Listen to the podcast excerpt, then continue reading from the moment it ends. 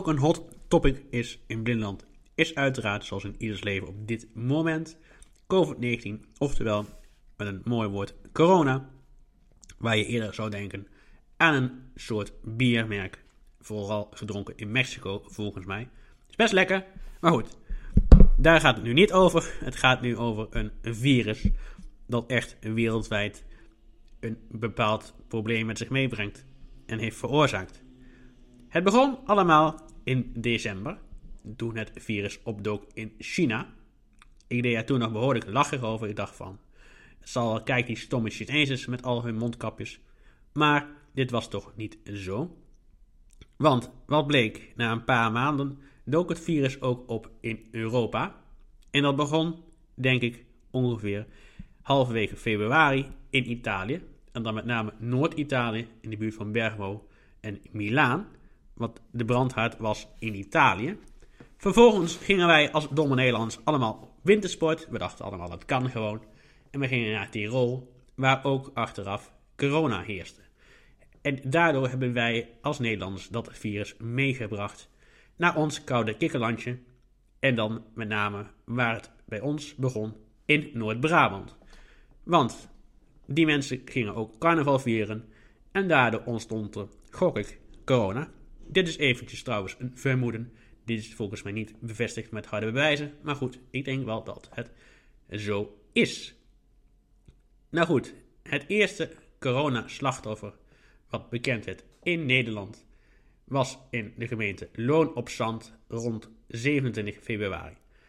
Ik weet het nog heel goed, ik was voetbal aan het luisteren en toen werd dat onderbroken door het bericht dat ook in ons land corona was aangetroffen bij iemand in Loon op Zand.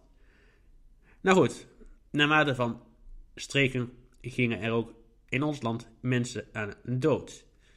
De eerste maatregelen in ons land werden begin maart afgekondigd.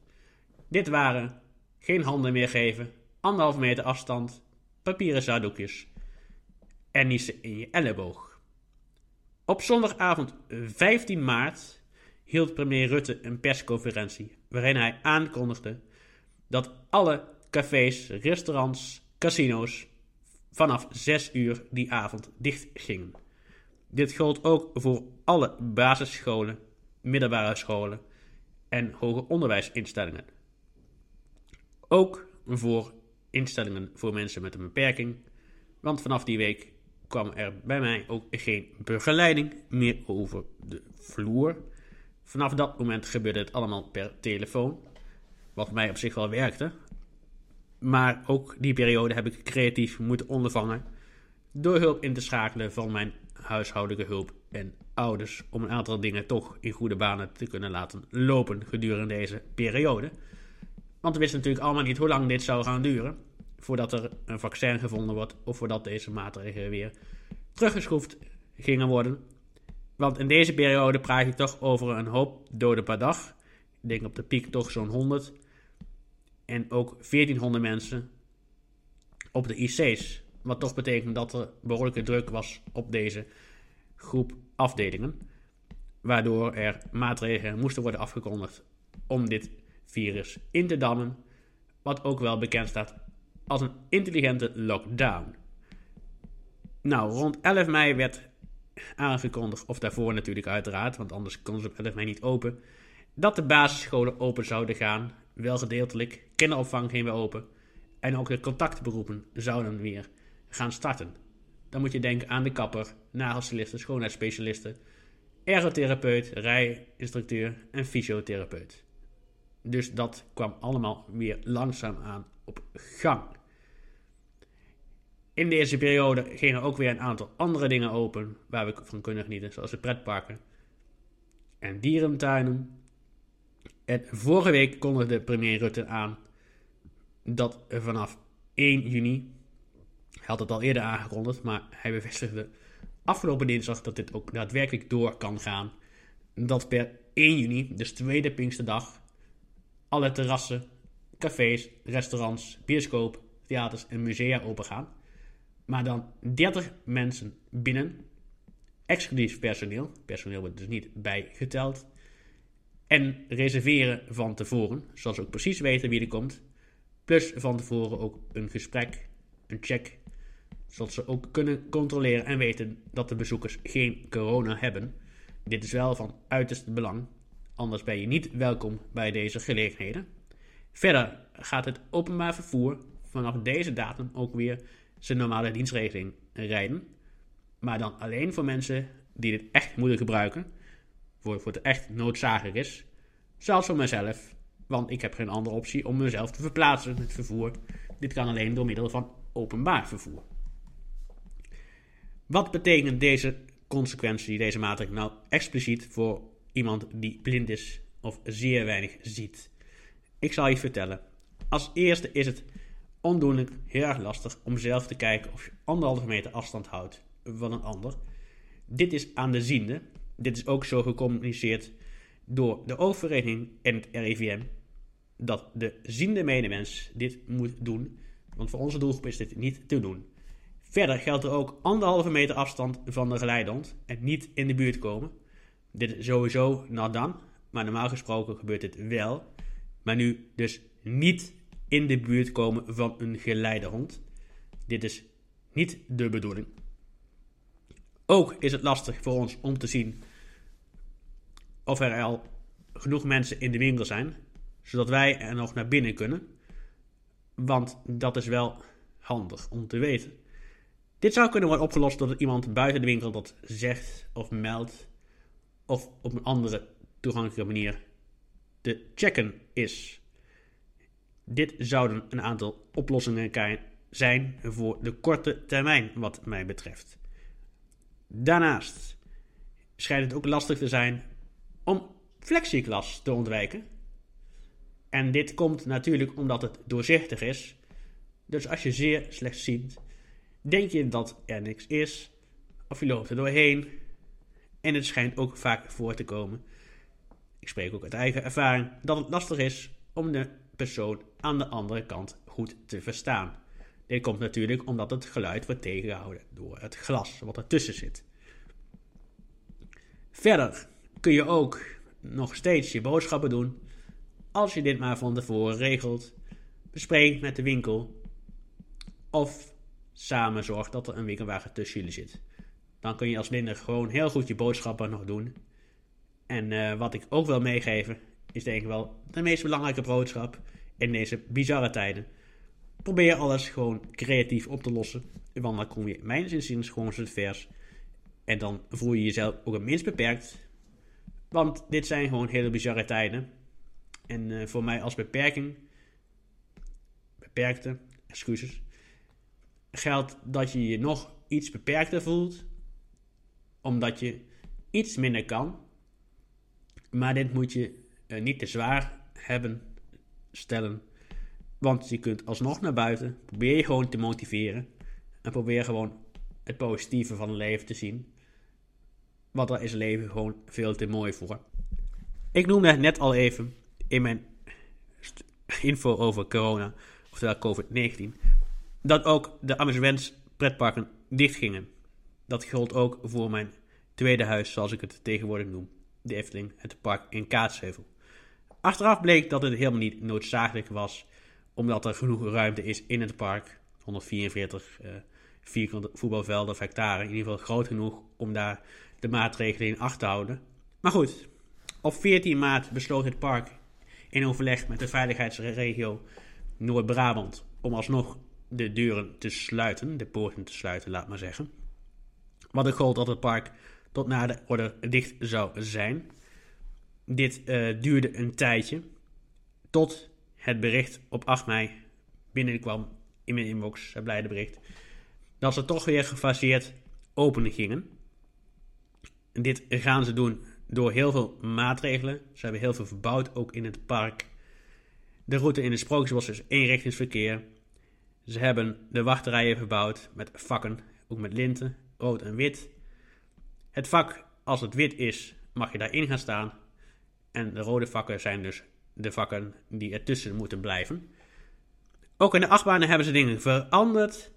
Nu moet je zelf je beugel van de achtbaan dicht doen. En ze kunnen het alleen nog doen met een soort grijphaak of haak in ieder geval. Als ik het goed heb begrepen. Correct me if I'm wrong. Dat kan altijd. kan er altijd een beetje naast zitten. Maar goed, dat is altijd even terzijde.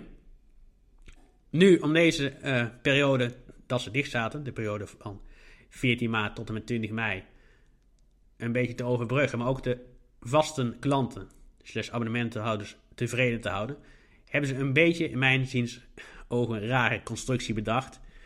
Dit is namelijk om ons te compenseren, krijg je een bepaald bedrag per dag. En dat hangt dus af van het type abonnement wat je hebt.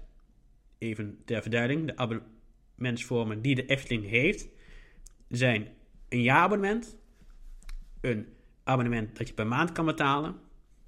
En er zijn ook nog vormen, dus iemand die een uh, beperking heeft, heeft ook een goedkoper tarief. En ook volgens mij iemand die 65 plus is, plus iemand, een kind onder de 4 jaar, die is gratis. Dus dat zijn de abonnementsvormen die de Efteling hanteert. En nu hebben ze een manier bedacht om ons tegemoet te komen. Dat je dus het bedrag per maand keer 12 moet doen. Dat delen door het aantal dagen. Dit ja, zijn er tot er dus 366. Dan komt er een bedrag uit. En dat moet je nog een keer doen van het aantal dagen dat het park dicht is geweest. Dit bedrag wordt op je abonnementspas gezet. Ik ben benieuwd hoe ze dat gaan doen. En dan is het dus de bedoeling dat je dit bedrag, dit geld, budget, uit gaat geven in het park. En dat kan overal aan. Dat kan aan eten, aan drinken, aan souvenirs, aan vriendentickets. Volgens mij kun je zelfs je abonnement mee verlengen. verlengen. En dit geld blijft drie jaar lang op je pas staan. Dus het is drie jaar lang geldig. Of daarna automatisch verdwijnt, ik denk het wel. Maar dat is me tot op heden niet bekend. De Efteling gaat ook een nieuwe attractie openen. Daar zijn ze al een tijdje mee bezig. En deze attractie is de vervanger van de Bobbaan. De Bob werd geopend op 4 april 1985 en heeft tot en met 1 september 2019 gedraaid. Hij was niet altijd operationeel. En ze hebben uiteindelijk moeten besluiten om deze attractie te vervangen. Omdat de remmen niet meer goed werkten. Zeker als er veel regen op de baan kwam. En dit type attractie wordt ook niet meer gemaakt op dit moment. Dus de directie moest iets met deze attractie. Want deze attractie was tot op dat moment de instapachtbaan voor de kleinere kinderen. Ik kan me niet meer precies herinneren wat de lengte is, de minimale lengte dus, om hierin te mogen. Dat uh, is even de vraag. Misschien dat jullie als luisteraar me dat kunnen melden. Dan kom ik daar eventueel later op terug. Maar op 1 september reed de Bob dus zijn laatste rondje. Ik ben hier als kind zijnde ook een aantal keer in geweest. Zowel in het oude type Bob als het nieuwe type voertuig van de Bob. In 2018 werd bekend dat de Bob vervangen zou gaan worden door een dubbele achtbaan van Max Rides, genaamd Max und Moritz. Dit verhaal komt uit Zuid-Duitsland en het gaat over twee K-jongens die allerlei, um, die allerlei streken uithalen en hun moeder dus echt ook lastig vallen. Ze worden opgesloten door hun moeder, vrouw Schmetterling, in haar klokkenwerkplaats. En daar gaan ze zeepkisten bouwen om mee te racen tegen elkaar. En er gebeurt echt van alles. En dit ga je ook meemaken in deze nieuwe achtbaan. Op dit moment is de achtbaan bijna klaar. En deze week is bekend geworden dat hij op 20 juni opent. Het is een power coaster, wat dus betekent dat hij zichzelf kan aandrijven door elektriciteit. Het zijn twee achtbanen. Eén Max, één trein heet Max, de andere heet Moritz. En ze gaan allebei de andere kant op. Dus je maakt in principe twee rondjes in deze achtbaan. Het parcours heeft een hoogte van 6 meter en de snelheid is 36 uh, km per uur. Dus dat valt mee. Dit is de nieuwe instap achtbaan voor de kleine kinderen. Er zitten ook allerlei grappigheden en er was in het begin ook een hoop kritiek onder fans. Daar zal ik zo meteen even wat over vertellen, wat precies de kritiekpunten waren. Nou, je beleeft dus de doldwaze avonturen van Max Moritz in deze achtbaan. Het landschap gaat er ook Zuid-Duits uitzien. Daaronder moet je dus verstaan een alpenlandschap met beetjes, bomen. Er staan twee soorten bomen ook in al, namelijk de Noordbandspar en de Servische spar. Dat zijn een soort kerstbomen, daar moet je het mee vergelijken, heb ik begrepen. En uh, de kritiekpunten waren dat de kleuren een beetje uit het oog springen. Het zijn heel erg felle kleuren, vooral op de voorgevel. Namelijk pixelkleuren. En deze kleuren zijn blauw, geel en rood, maar dan heel erg fel en heel erg in het oog springend. Wat een hoop fans niet echt mooi vonden. Vooral op de gevel van het oude stationsgebouw van de Bob. Wat ze weer hebben hergebruikt voor deze attractie. Ik ben benieuwd wat het gaat worden. Ik heb er veel zin in en ik hoop hem snel te kunnen zien, al zal het even gaan duren. Omdat ik voorlopig nog even niet naar het park ga. Ik vind het uh, gezien mijn gezondheid iets te riskant om te gaan doen. Maar ik heb ontzettend veel zin om weer de wereld vol in te stappen. De Efteling dus, wat mij betreft. Dit was de eerste aflevering van Gestructureerde Chaos. Bedankt voor het luisteren. Ik hoop jullie terug te zien bij een volgende. Over twee weken zal die gaan verschijnen. Jullie kunnen me alvast volgen op de bekende platformen Spotify, Google Podcast, Stitcher, enzovoort, enzovoort. Goedendag, ciao. Tot zover deze uitzending van Gestructureerde Chaos. Tijd om goud te gaan zoeken. Geluk auf.